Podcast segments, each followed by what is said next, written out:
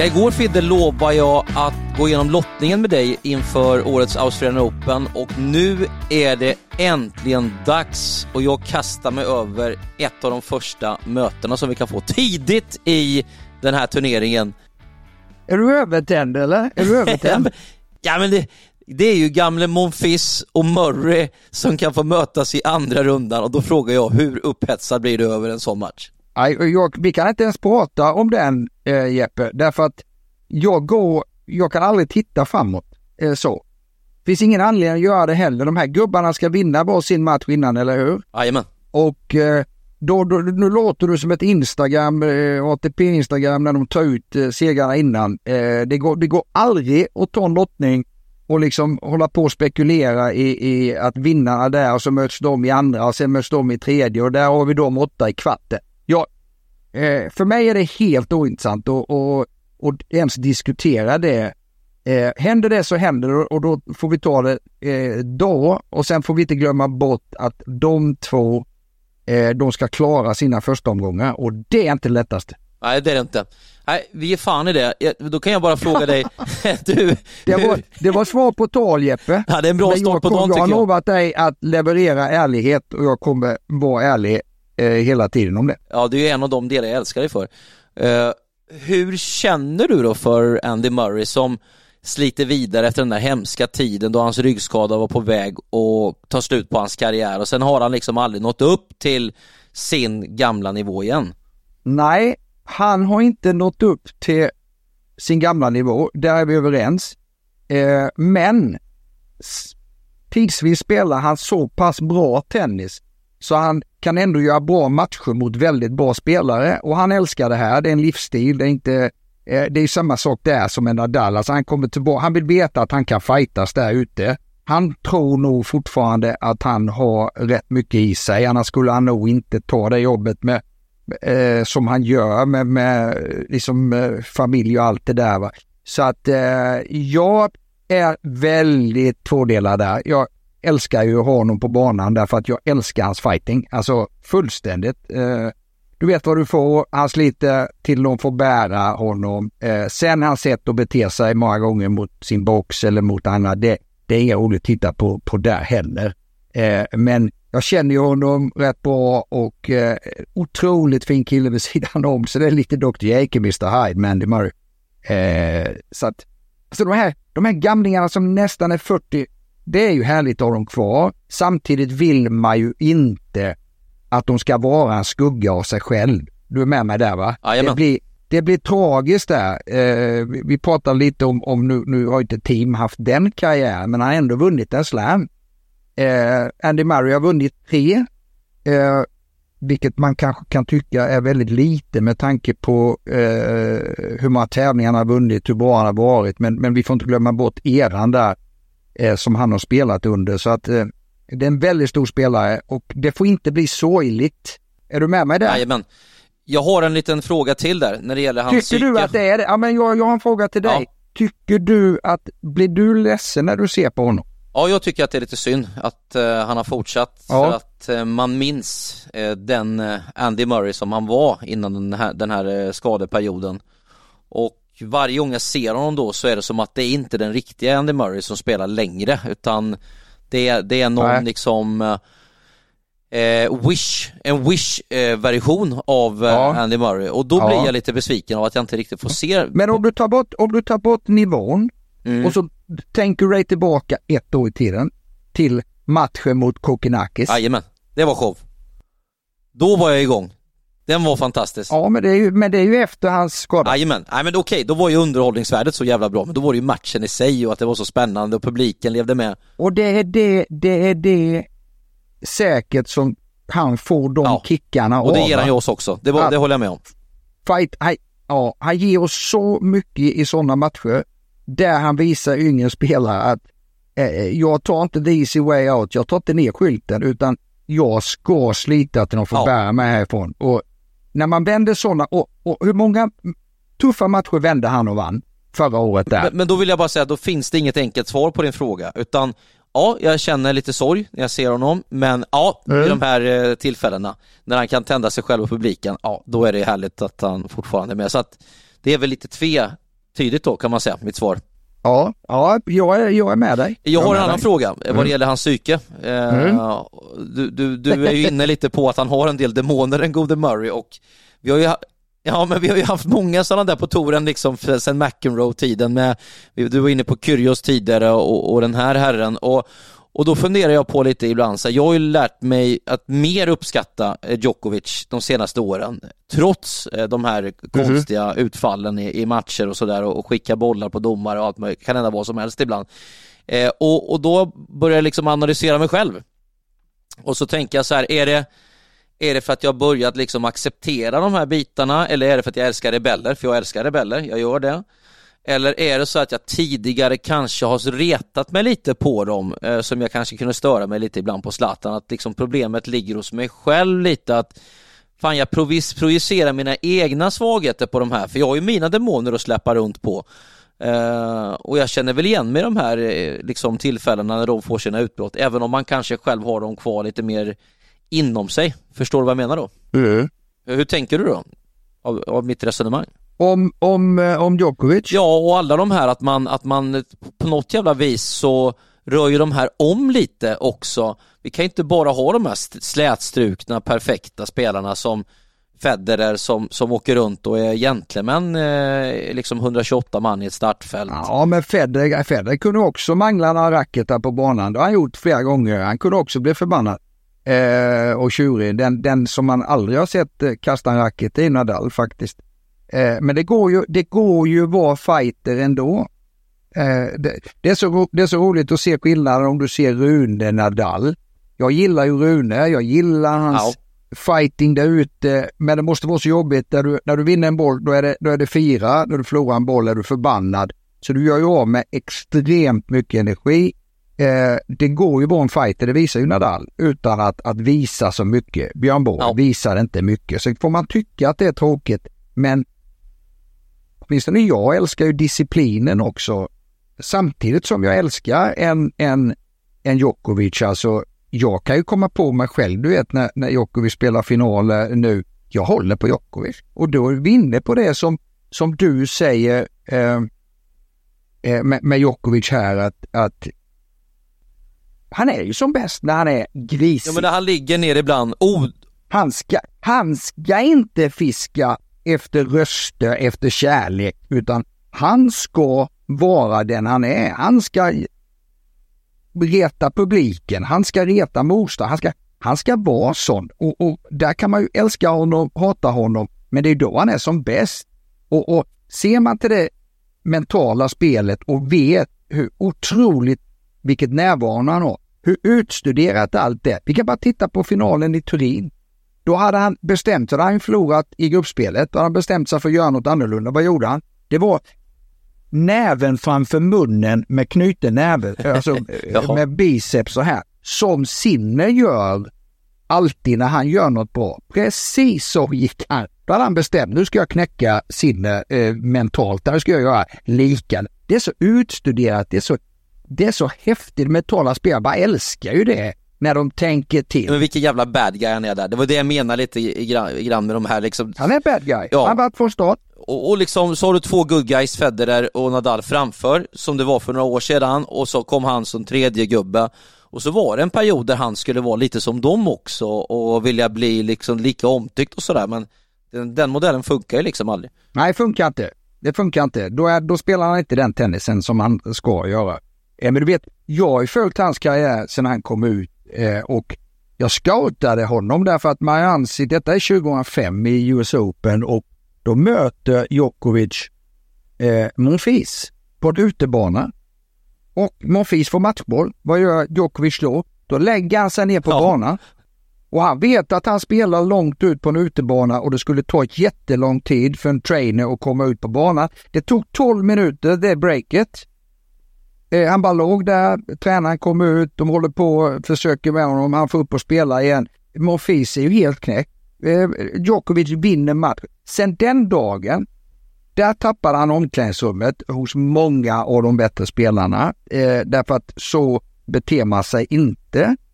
Eh, sen samtidigt så, så har han ju inte gjort något fel va. Eh, så hans motståndare vet ju om det där då är det upp till dig också att klara av att stå emot det där. Han har ju med? några berömda toabesök i karriären. Ja, massor, massor. Men det finns, men, men spelarna vet Ja. ju om det där också Jesper. De vet om det och då måste man vara så mentalt förberedd. Går du på som Tsitsipas gjorde i, i Wimbledon, eh, var det va, eller var det i Paris mot, mot eh, Kyrgios, när de började flippa ut och han flippade ut. Går du på det, ja då är du ju Ja. körd. Att Tsitsipas är lättretad, han kan börja skicka bollar och sikta på motståndare. Ja men du, du vad tror, varför tror du han, varför tror du han, han eh, Kyrgios satte igång det? Ja, ha- Ja, men det är bara för att reta eh, Tsitsipas. Så att då, då får du skylla dig själv. Vem är det som vinner matchen? Det är Kyrgios. Hur mår, hur mår Tsitsipas i omklädningsrummet? Va? Han får skylla sig själv. Du måste vara mentalt förberedd på vem du möter och vad kommer hända. Tänker du gå på det eller tänker du inte gå Ja, du, på det? jag, jag sitter ju lite för sent ibland på nätterna och ser er kommentera de här matcherna och, och ibland vaknar man, jag har ju lite son på ett och ett halvt år, kan ju vakna fyra på morgonen så kommer jag ut så är det någon av er som kommenterar någon av de här stora matcherna och så var det ju Djokovic här som låg livlös i någon jävla match i höstas.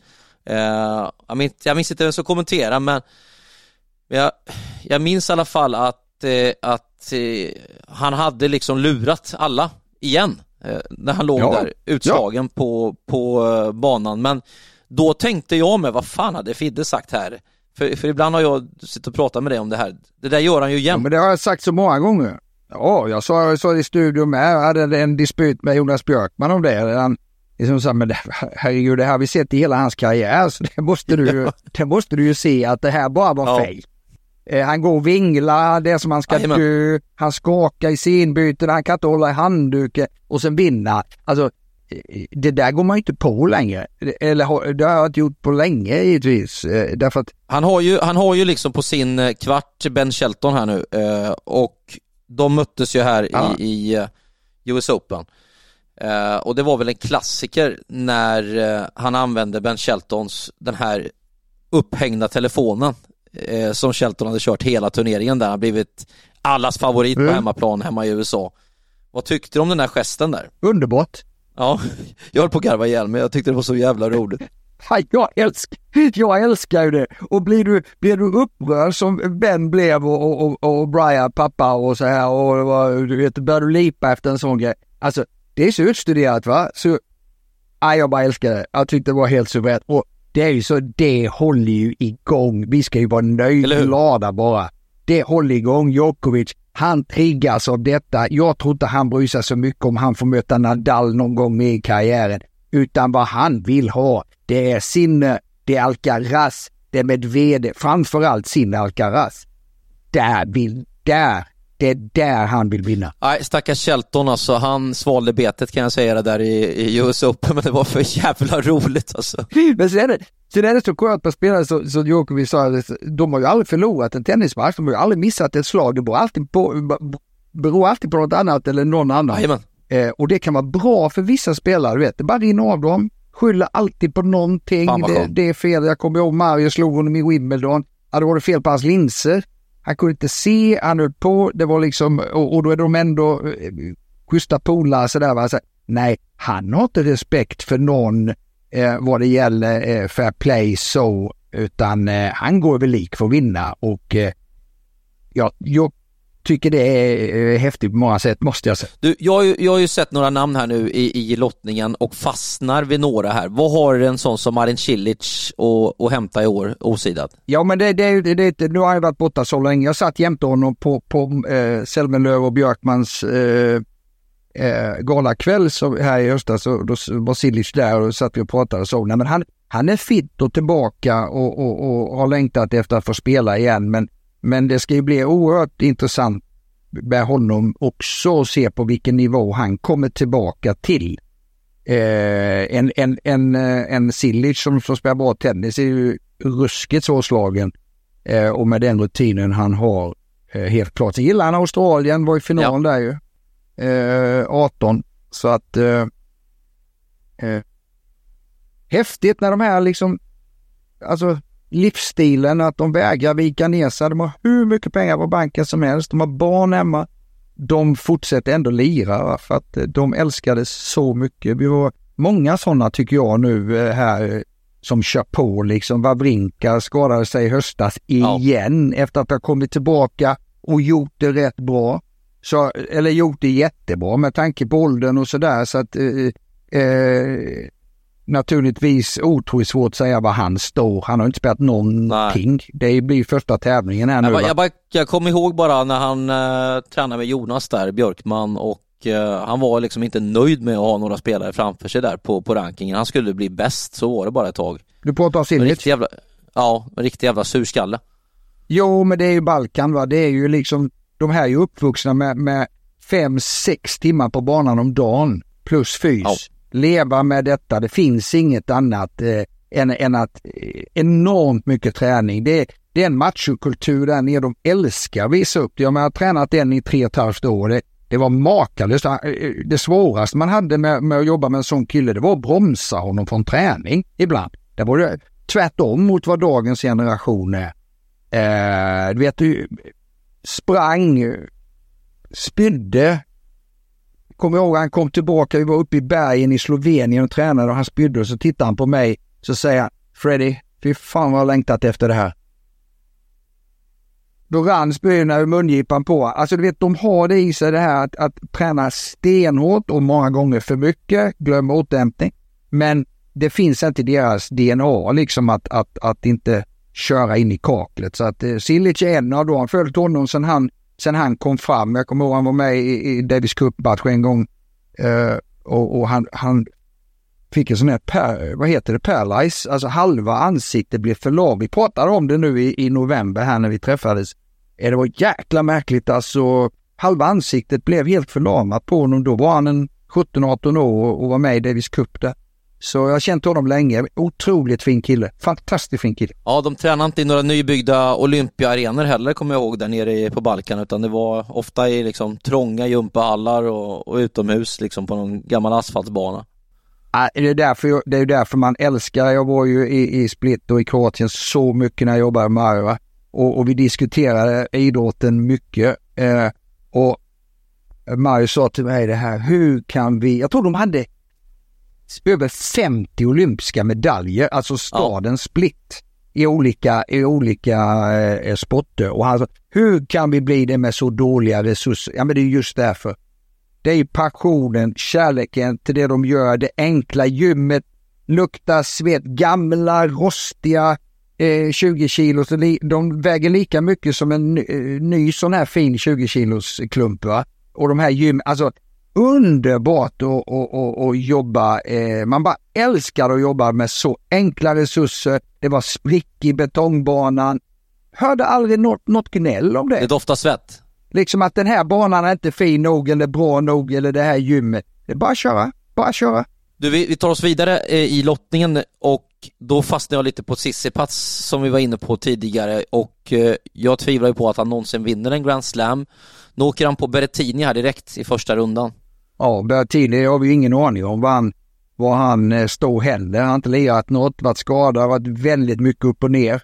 Så att eh, en, en Tsitsipas normalt här ska ju klara det, tycker man. Eh, press på sig givetvis, final förra året. Alltså, puff, klart han vill göra bra ifrån sig, men han spelar ofta bra i, i, i Melbourne faktiskt. Men det gör, det gör Berrettini också. Jag menar, när, när, när, namnet kommer upp på Melbourne, då kommer ju upp den här enorma matchen, eh, åttondelsfinalen mot Alcaraz, där man för första gången sådär på riktigt, man hade hört Alcaraz eh, namnet, men alltså det han presterade mot Bertini i den matchen, det var ju en fantastisk femsetsmatch och det är ju det är ju det i början på året. Man vet aldrig vilka som kommer ut bra. Eh, det kommer nya namn. Det, det gör Australian Open till en oerhört häftig turnering. Om du ser traditionellt också det är nästan alltid där de här eh, namnen som man inte hade någon aning om för den breda massan har gått till final. Schüttler, Tsonga, vi kan nämna många innan den här eh, riktigt eran kom med Nadal och Federer. Och... och då kommer frågan nu då, är det dags för Jannik Sinner att ta sista steget i år? Han möter van de Sandschlup i första rundan. Det är så lite läskig inledning tycker jag tar han sig förbi de här eh, första hindren här i turneringen. Är, är, det liksom, är det han som ska välta Djokovic i år eller? Eh, det, är ju den, det är den stora frågan tycker jag. Hela, när man pratar om 2024 så tycker jag att man pratar om vem ska ta sin första Grand Slam eller vem ska vinna en Grand Slam om inte Djokovic gör det. Eh, Alcaraz har redan två.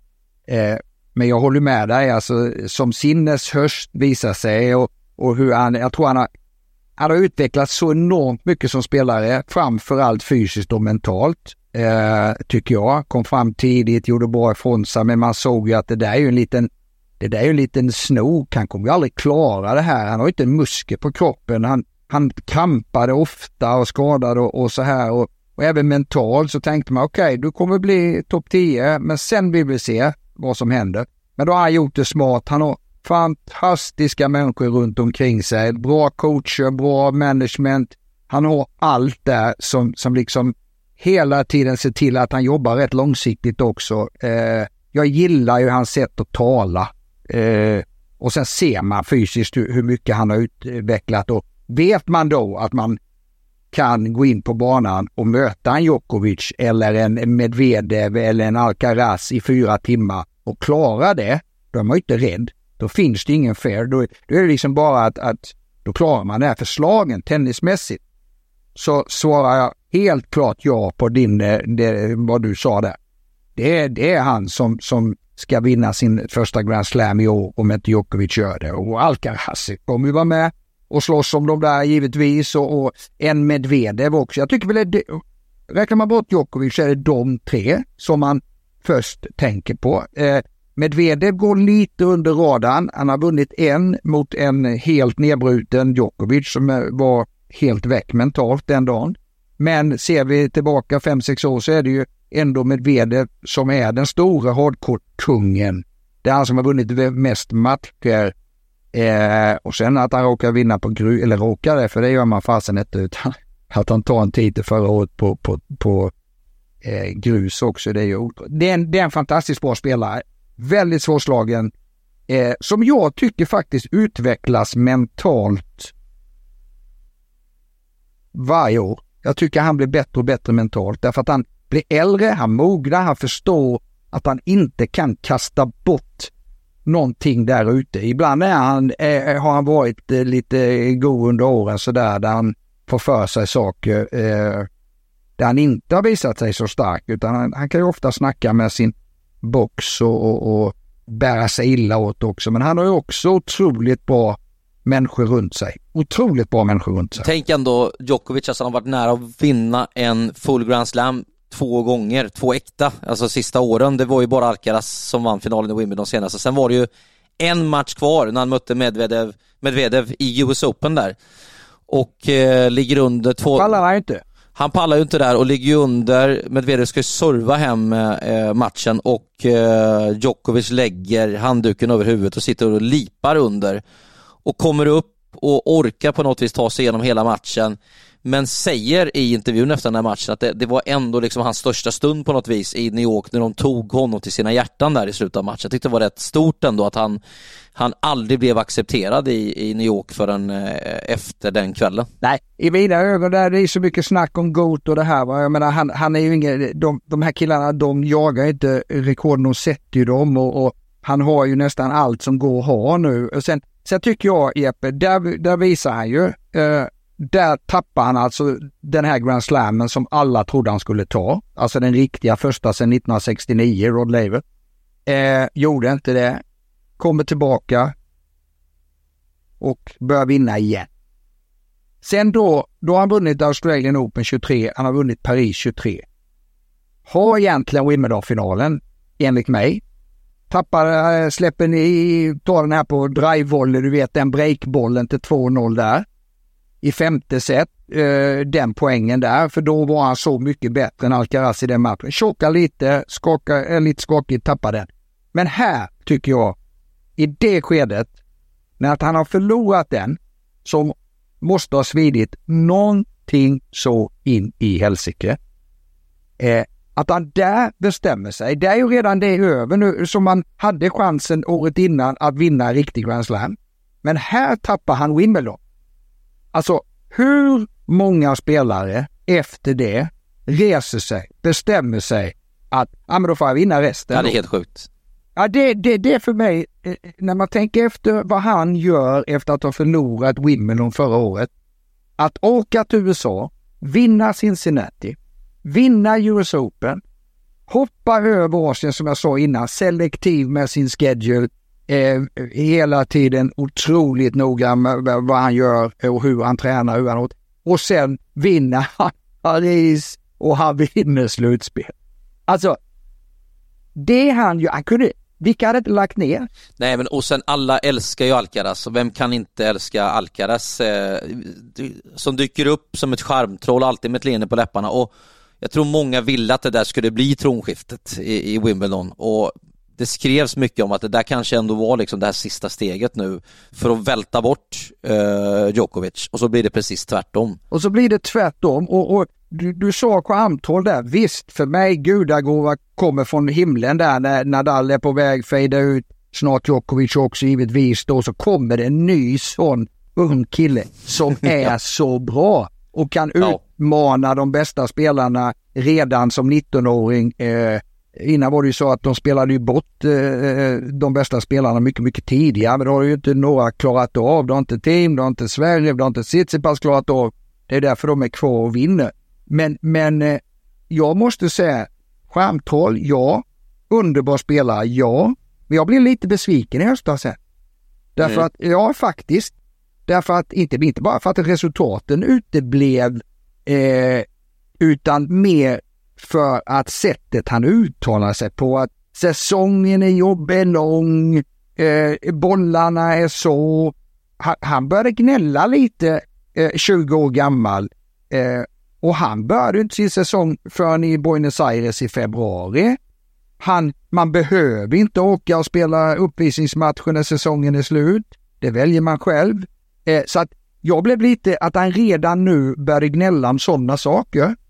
Ja. Eh, blev jag lite förvånad över faktiskt. Han var lagt på bollarna i Turin där minns jag.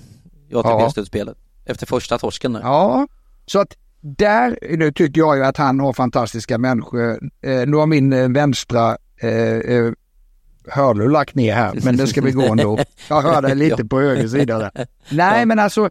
Eh, du är med mig där va? Du förstår vad jag menar? Han, ja. eh, han, han, har jättebra människor eh, runt sig som, som säkert kommer tala om för honom eh, att det där gnällandet, eh, det kan du sluta upp med. Och, och nu bara bestämmer vi oss här, vad, vad vill vi? 2024.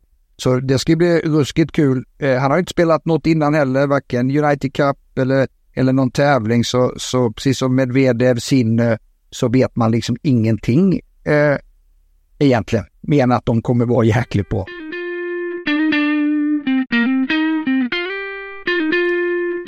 TFO springer in i Borna Choric direkt. Alex de Minor är hemmahoppet, Australiens första stora hopp på snart två decennier. I fjol fick han en riktig läxa av Djokovic efter att Australien retat upp världsettan efter att denne inte kommit in i landet 2021 och han vägrat vacciner. Men så slog han Djokovic för någon vecka sedan, Deminor. Är han uppe på en ny nivå nu undrar jag?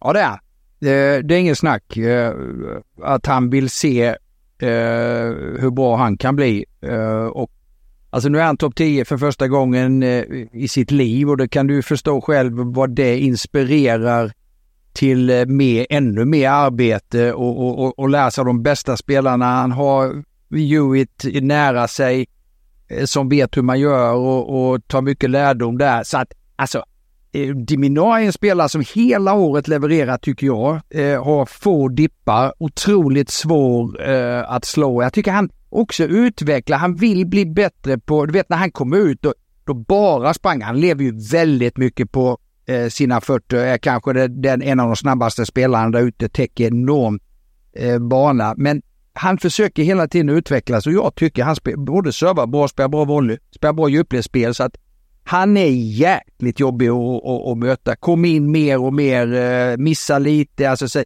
jag tycker han har förtjänat eh, väldigt väl en topp 10-plats, det måste jag säga. Det är kul att du nämner Leighton Hewitt, de är inte helt olika. Det är en sån där spelare som ingen vill möta i år och han har Raunic i första rundan. Så lurig uppgift ändå. Lurig uppgift, ja visst. Raunic namn. har knappt spelat på länge.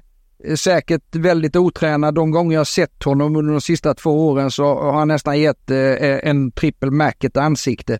Så att, alltså, jag vet inte vad Raunis kommer tillbaka till varför. Han har inte sett vältränad ut. Men visst, den serven han har kan han vara med ett tag. Men alltså, inte över fem set uh, har jag otroligt svårt att se att han skulle ha fysiken för att kunna ens störa uh, Deminar.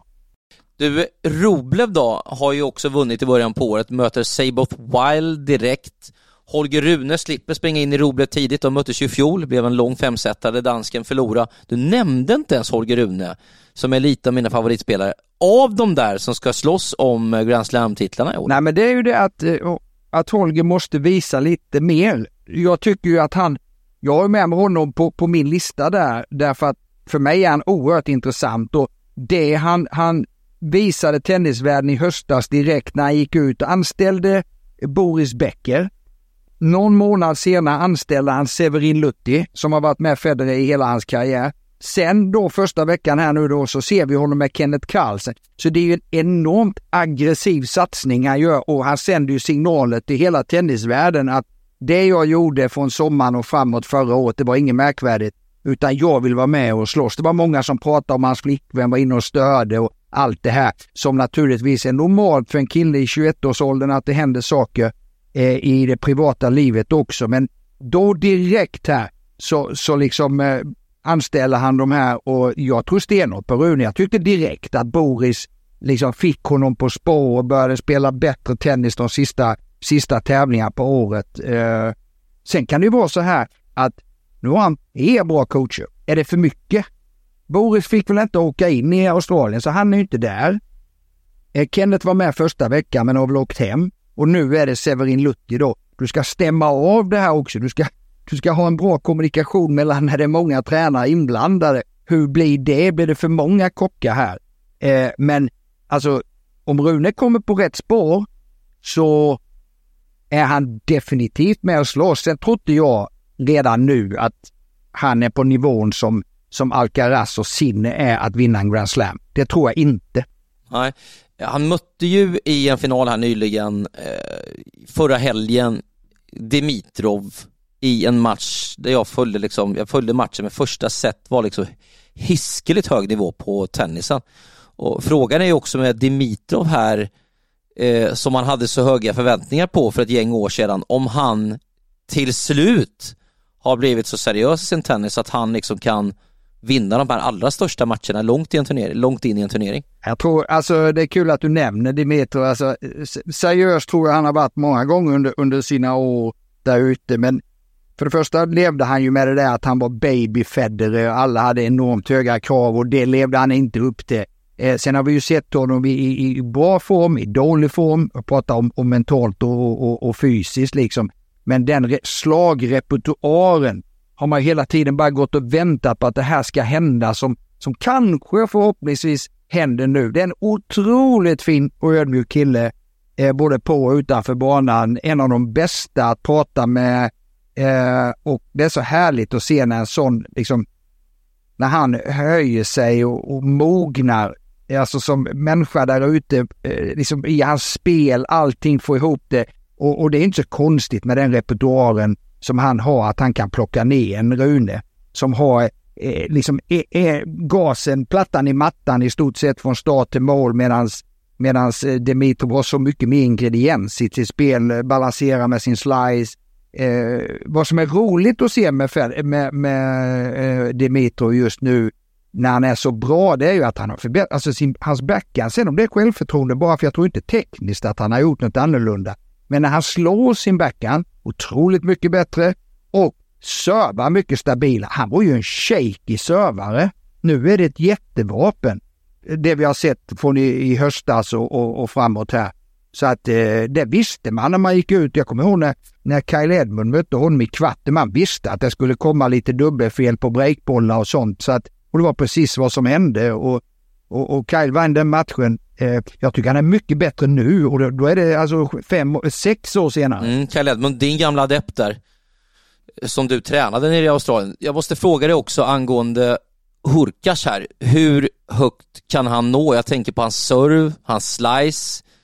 Han har så mycket i sitt spel som motståndarna fruktar tycker jag. Vad, vad behöver han förbättra för att nå en final i Grand Slam? För mig är hans största problem att han vet att alla vet att han är en chokare. Så fort det blir tiebreak då, då viker han ner sig i de här viktiga matcherna. Ja, han är inte den där. Han är inte den där. Han är otroligt bra tennisspelare. Otroligt bra tennisspelare. Men när du sitter och, och kommenterar honom, ja, bara får han inte svika honom i de viktiga lägena och gör, är det något som sviker honom i det viktiga så är det fåran. Och det vet alla om och, och jag vet, kommer ihåg eh, missen där i, i eh, både mot Alcaraz, han hade matchboll i, var det Cincinnati eller? Vet jag inte om det var Cincinnati, jag vet faktiskt inte om det. Ja, det kan ha varit mm. Shanghai, det kan ha varit, men, men jag, jag har det för näthinnan liksom upplagd fåran mitt i banan, ja. matchboll. Han sätter den i korridoren. Va? Alltså, det är Hurkacz för mig. Världens bästa serve. Alltså, han har de bästa siffrorna 2023 med sin serve. Eh, han har en backhand som är svår att slå. Han har en fysik, har otroligt bra händer framme vid nät. Har det mesta, men vad hjälper det om man inte tror att han kan vinna ja, en Grand Slam? sig när det blir... ja, det är visserligen Vigen, eh, eh, bra gjort att vinna några Masters tusen va, men vinna en Slam fem set, tror han på det själv, då kan han göra det, för det har han. Men jag tror inte han tror på det själv. Du Fidde, vi, vi återkommer i Australian Open om några dagar, får se när det blir. Eh, jag har faktiskt ett par kanadiker och ett par tyskar jag tänkte du skulle få kommentera innan vi stänger butiken för idag. Och då tänker jag såklart på Auger kan jag inte få kommentera, kan jag inte få kommentera Safulin? Jo, du ska få den på slutet här. det, är din, det är din gubbe, den, den ska du få också. Men först, eh, Auger Aliasim som var uppe och nosa bland de allra bästa, som har tappat lite. Och sen Chappen har vi pratat färdigt om honom redan innan vi har börjat Chapovalov. Han är inte ens topp 100 längre, haft sina skadebekymmer och sådär. Men, men eh, med den höga nivå som de kan spela på, eh, bara din kommentar om de här två kanadickerna innan vi stänger ner för idag. Jag tycker, ja, för det första kan man väl säga så om Chapovalov tycker jag att, att eh, han var ju bättre när han slog igenom än vad han är idag och har varit i många år. Jag tycker inte han har utvecklats eh, någonting egentligen de sista fem, sex åren utan stått och stampat. Jag tycker det är en sån spelare som ATP har, har liksom marknadsfört som en jättestjärna. Jag tycker han, eh, eh, och det är inte hans fel, eh, men eh, han för mig har mycket mer att bevisa innan han är superstjärna på något sätt. Sen är det en jättebra kille, eh, fin kille som man önskar Eh, eh, mer framgång, eh, superbra kille. Eh, vi var ju med honom där i, i två veckor när det var pandemin eh, i Australien. Du vet när man fick, vi levde i den här bubblan. fick man ju bara träna med en spelare och då tränade jag och Hachanov med, med honom och hans mamma var coach då. Så vi hade kanonveckor där med honom och, och lärde känna. Eh, så det är, det är en fantastisk kille.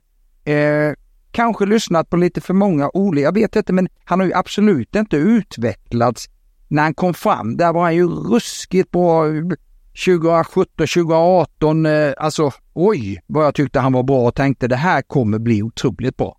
Men eh, jag tycker inte han har gjort någonting bättre än det. Utan tvärtom blivit sämre egentligen.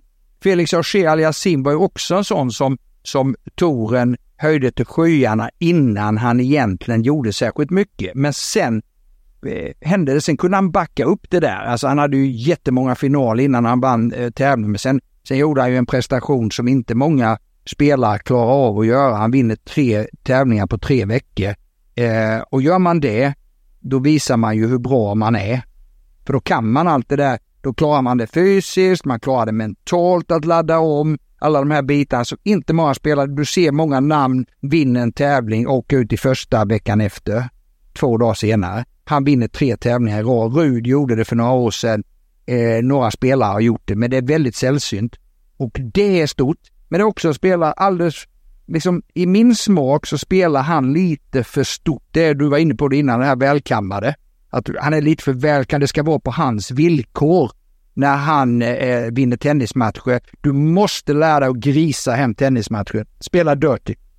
Chapovalov har jag sett mycket genom åren. Jag tycker han, så fort det blir tajta matcher också, blir jämnt och, och, han är på väg att fälla liksom en stor buffel, då, då slår han bara vildare och vildare och hårdare och hårdare i, i de här eh, matcherna som jag har sett. Och det har ju inte gynnat honom kan jag säga. Eh, en herre som kan slå hårt också, jag tänkte bara att jag ska få kommentera de här innan vi är klara. Jan-Lennart Struff, eh, som gjorde en otrolig Madrid-turnering i fjol och gick fram till final mot Alcaraz. Eh, som har sån enorm potential. Vad, var har vi honom i år, 2024? Ja, det vet vi inte, men alltså han var ju, han var ju eh, comeback play of the year 2023. Eh, blev han eh, votad eh, med tanke på att han gick till final där. Så, så. Men det, det, är lite, det är lite hurkats faktiskt Jeppe över honom. Eh, det är en sån här spelare som du, off, du vill inte gå in och möta. Eh, du är alltid som coach, du sitter off i fasen, alltså du kan bli helt slaktad. Men du kan också ligga under, det har jag sett eh, Hachanov låg under 5-1 i eh, avgörande i Hamburg och vann. Han kan leda hur mycket som helst. Han kan ha hur många matchbollar som helst. Han kan ha de öppnaste lägena vid nät eh, och förlora. Så att han är också en spelare som, alltså, mm, vet inte om han tror på det. Nej. Du, jag släpper Sverev och, och Rud för den här gången. Vi har så mycket att prata om här i nästa vecka så att eh, vi ska ju sätta upp en lista du och jag med de bästa unga spelarna, du och jag. Vi ska gå igenom 2023 tillsammans. Ja, och den har jag löst. Ja, eh, och jag har min lista på, på de här fem eh, unga så att det, den kommer. Och jävlar mig vad du kommer tycka den är dålig, men, men den finns där.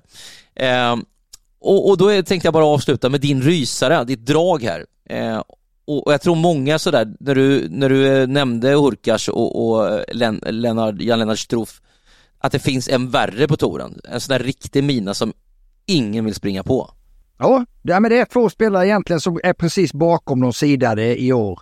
Och det är den unge fransmannen Arthur Fils och eh, Roman eh, Safulin, eh, ryssen. Eh, det är två spelare, do, do, alltså du vet där du, innan lottningen kommit och du är coach och, och säkert spelar också, även om de inte säger för man får ju gilla läget sen va, men, men det, det, det spelar du inte vill ha. Eh, Safulin är för mig, och jag vet ju han var alltså, han var klart bättre än trion Hachanov, Rublev, Medvedev när de var juniorer. Han var klart bäst. Eh, men det var inte han som utvecklades. En, en tyst kille, trodde inte på sig själv, de andra blev världsstjärnor och sen har den här killen sakta men säkert varit tränat med dem, varit med, vuxit, vuxit, vuxit, vuxit. Idag tycker jag han är kanske den spelaren bakom de namnkunniga spelarna som verkligen kan bli en raket i år. Skulle inte förvåna mig, alltså han var ju faktiskt i kvarten i Wimbledon och så, här, så han är ju inte helt okänd. Men jag tror när du tänker liksom världsspelare och ryska spelare så tänker du inte på Safulin. Men för mig så kan han vara raketen i år på touren. Jag tycker han är otroligt bra tennisspelare. Precis eh, lika mycket som Arthur Fils, den här unge 19-årige fysiske fransosen eh, som har kommit fram eh, som också är löjligt bra. Han var i final i, i, i eh, Next Gen ju. Eh, så att han, han, han är också, och jag sa ju innan, vi ska inte gå händelserna i förväg. Men om det skulle vara så att båda vinner sina första matcher så möts de i andra omgången. Tyvärr, men så är det. Fidde, får jag avslöja att jag har FIS högst på min lista där, bland de här unga? Eh, det är ju inte, egentligen inte så svårt och det är ju ingen bubblare det, äh, äh, Jeppe. För det har vi, bo det har vi båda kan jag ja. tala om för dig. Därför ja. att är man 19 år och ligger 35 i världen så, så är man ju, även om man inte är etablerad, men vad som är roligt är, precis som med, med, med eh, Alcaraz och spansk tennis, så är det ju faktiskt för något år sedan bara, så tittade man på den franska rankingen då är det alltså Monfils då 38 år gammal och Gasquet 37 som är etta, tvåa i Frankrike. Och, och det är ingen rolig läsning eh, om man ser till förbud. Då vill man ju att det ska vara 19-åringar, 20-åringar. Det ska vara många sådana som ligger där eh, istället för de gamla va. Manarino.